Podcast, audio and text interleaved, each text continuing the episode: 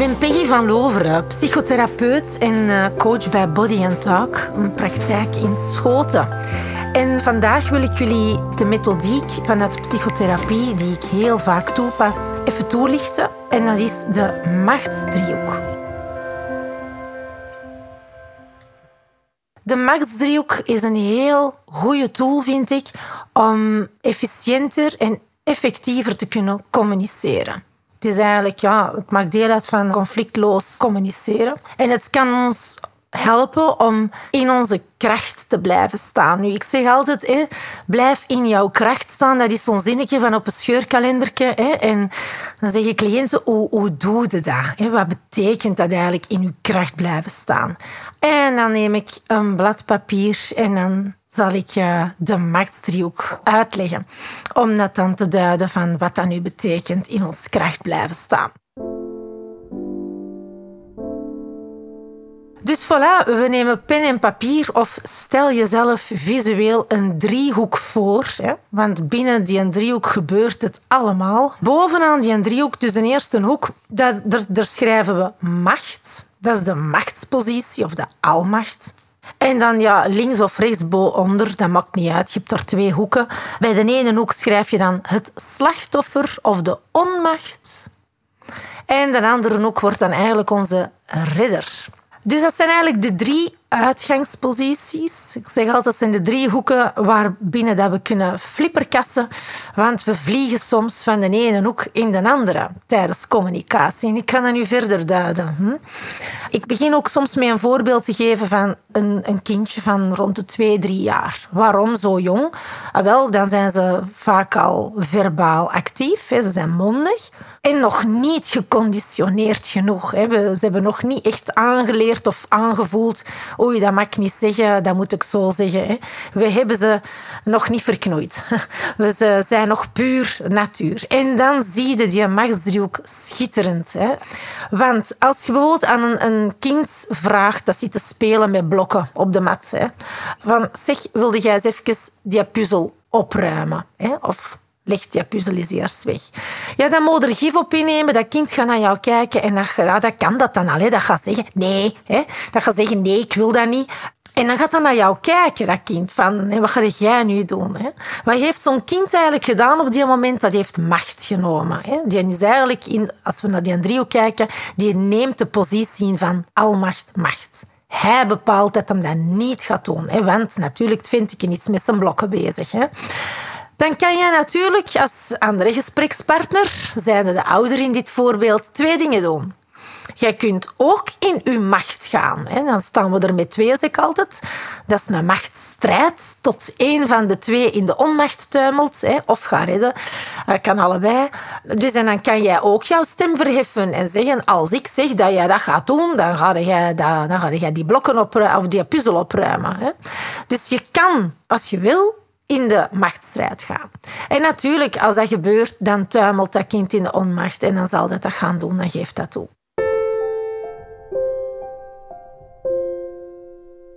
Maar je kan dus ook in jouw kracht blijven staan. En nu komen we erbij, wat betekent dat? Dat is eigenlijk het midden van je driehoek. Dat is een, positie waarin je eigenlijk ja, empathie toont, dat je toch wel kan inschatten en kan begrijpen dat dat niet leuk is hè, voor dat kindje. Dat je inderdaad iets vraagt wat voor een bepaald ongemak zorgt. Je kunt daarin komen, je kunt je inleven, maar toch blijf je bij jouw boodschap. Dat wil niet zeggen dat je daaraan moet toegeven aan die macht. Je gaat zeggen van, goh, ik snap dat je dat niet leuk vindt, hè, maar ik zou nu toch graag hebben dat je eerst je puzzel opruimt. Hm?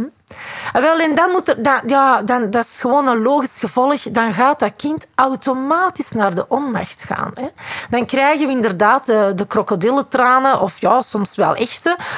en ik moet altijd, en ik mag nooit, en oh, arme ik.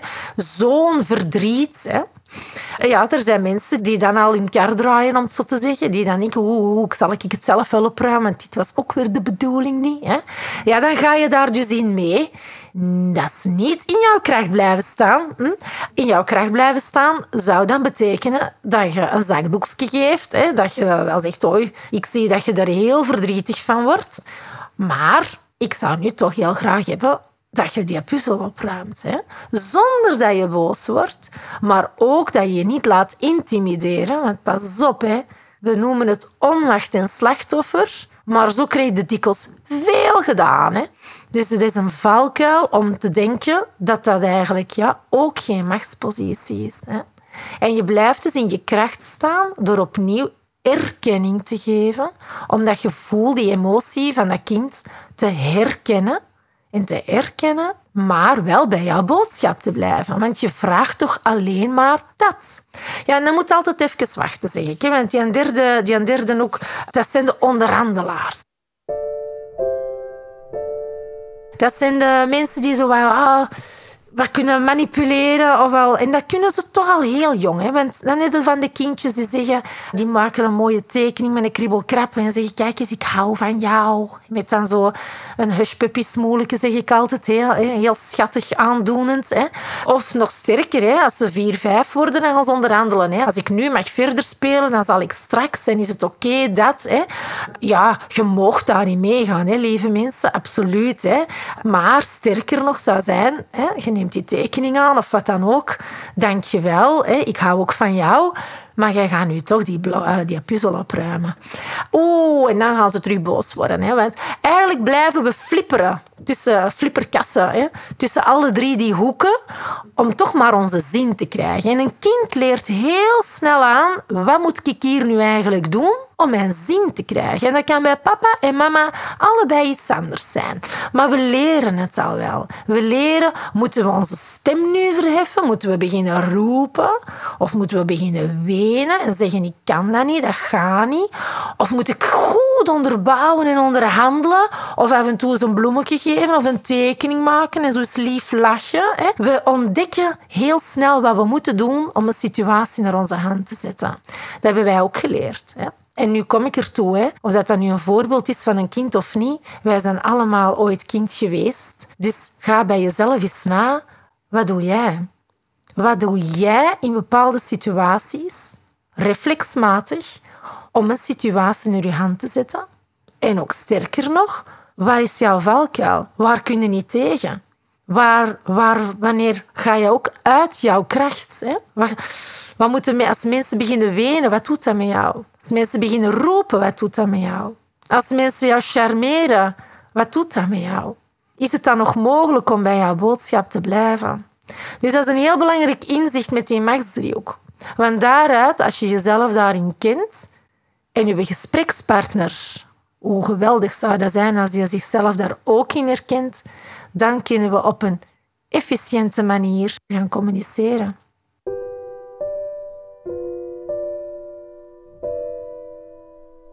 En dan krijg je bijvoorbeeld dit. Hè. Ehm, stel dat... Uh, een heel, heel toepasselijk, dag, dagelijks voorval, denk ik, bij sommige gezinnen zelfs, is van... Peggy, je hebt het licht van de badkamer aangelaten. Hm? Ik denk dat de meeste koppels, ja, dat is een heel herkenbaar voorbeeld, denk, die zeggen van, jij moet niet veel zeggen, want de bril van de wc was niet naar beneden. Hm? Eigenlijk is dat niet oké. Maar zo gebeurt het in de praktijk wel. Hm? In mijn kracht blijven zou gewoon zijn, ja, dat is waar. Sorry. Ja, ik heb dat gedaan of ik heb dat niet gedaan. Ik heb dat licht aangelaten of ik heb dat niet aangelaten. Hè. Maar toch gaan we soms zien dat we in bepaalde reflexen schieten. En dat ik ofwel zou beginnen roepen, de macht te nemen. Van, uh, oh, jij doet nooit niks verkeerd en dat is niet waar, ik heb dat niet gedaan. Hè. Of ik zou in mijn slachtoffer schieten. Ik zou kunnen zeggen van, ja, van... En ik heb het altijd gedaan en jij kunt nooit eens niets lief tegen mij zeggen. En jij zit altijd op mijn kap en, en jij controleert mij. Hè. Ik zou helemaal in die kramp kunnen schieten. Of inderdaad, ik ga koeien van desnoods vijf jaar of zes weken geleden uit het gracht aan. Ik kan zeggen, ja, maar vorige week heb jij je schoenen niet goed gezet. Of, hè, um, ik ga vergelijkingen maken om hem eigenlijk af te leiden over het feit ja, dat ik het licht in de badkamer heb laten branden. Allemaal zeer vermoeiend, interessant, maar we doen het dagdagelijks. Flipperkasten van de ene ook in de andere. En als ik boos ga worden, ja, dan is dat de bedoeling om mijn gesprekspartner in de onmacht te duwen. In mijn kracht blijven staan zou betekenen, ja, geef gewoon toe hè, dat je iets gedaan hebt of niet. Het is waar, je hebt dat al honderd keer gezegd, ik weet het, maar ik ben vergeetachtig. Wat betekent dat? Dat ik accepteer dat ik vergeetachtig ben. Dat ik besef dat ik vergeetachtig ben. En dat ik mijzelf daarin heb geaccepteerd. Ik doe mijn best. Ik let er waarschijnlijk tien keer op, maar de elfde keer, ja, mea culpa.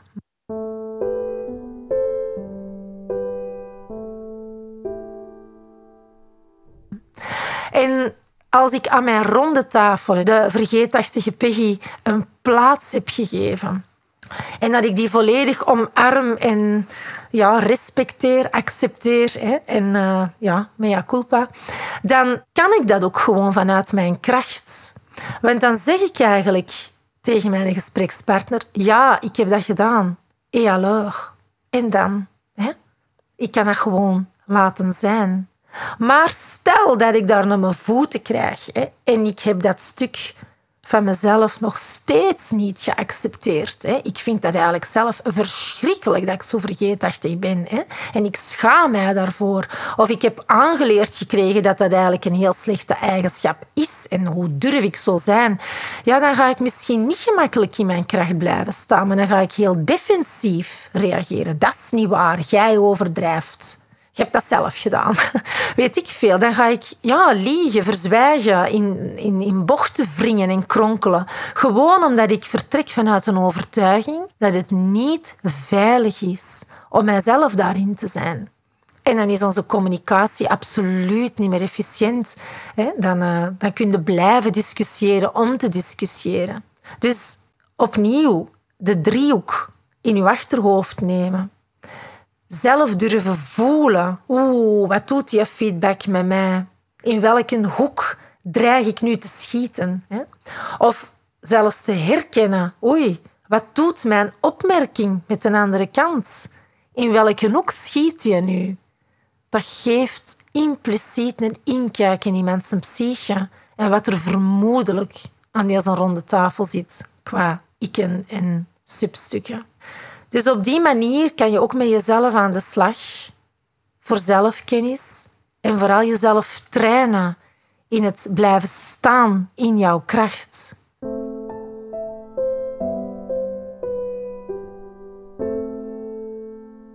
Want in jouw kracht staan betekent dat je kan empathie opbrengen voor de ander dat je dat wel kan begrijpen, hoe het zou zijn om je zo te voelen en dat je ook snapt wat iemands reactie is. Maar tegelijkertijd dat je ook transparant durft zijn over jouw emoties. Dat je dat durft zeggen zonder dat je je eigen zwakkeling voelt. Er is niks mis mee in een gesprek te zeggen, dat raakt mij. Dat maakt mij verdrietig. Of let op je woorden, want je bent me kwaad aan het maken. Als je plaats geeft aan een emotie, als je durft benoemen, dan verdwijnt de lading dikwijls. Maar als je begint te denken in jezelf, ho, ho, beginnen te krijgen, ik word kwaad of ik kan hier subiet wenen, ik voel het, maar je vertikt het om dat te uiten of je durft het niet uiten, je kunt het niet uiten, dan gebeurt het soms dan komt die emotie vaak uit je schaduw ineens tevoorschijn en dan zit je daar te schreeuwen. Of dan begint het te roepen. Dan, dan, dan worden niet kwaad, dan zijde ineens kwaad. Hè? Dus op die manier kan je met de machtsdriehoek in jouw achterhoofd heel goed oefenen en trainen op jouw eigen kracht, maar eigenlijk ook wel jouw gesprekspartner ja, helpen in het in zijn kracht blijven staan. Want als je merkt dat mensen kwaad worden, kun je zeggen, jammer, je hoeft niet te beginnen roepen. Ik zit hier. Zolang dat je niet terugroept, hebben wij geen ruzie. Je kan geen ruzie maken met iemand dat geen ruzie terugmaakt. En op die manier haal je ook soms de lont uit de bom. Met iemand dat begint te wenen, ja, dan, dan geef je gewoon een zakdoekje, maar je praat wel verder. Laat u niet onderbreken. Laat u niet van uw wijs brengen ook, gaat er ook niet vanuit dat hij dat expres doet om u van de wijs te brengen. Als het jou van de wijs bracht, wil hij eigenlijk iets zeggen over jou. Laat gebeuren wat er gebeurt. Emoties zijn er om te stromen. En emoties verdienen een plek. Je hoeft niet altijd te reageren op een emotie. Een emotie mag er zijn. En als je dat onder de knie hebt, dan kan jij in jouw kracht blijven staan. Zonder dat de dingen jou intimideren en dat jij altijd de noodzaak voelt om te reageren. Bij deze hoop ik dat ik jullie een beetje inzicht heb gebracht in uh, hoe ik werk in mijn praktijk met de machtsdriehoek. En uh, met de pasklare voorbeelden kan je misschien ook zelf aan de slag uh, om eens te kijken hoe dat bij jou zit.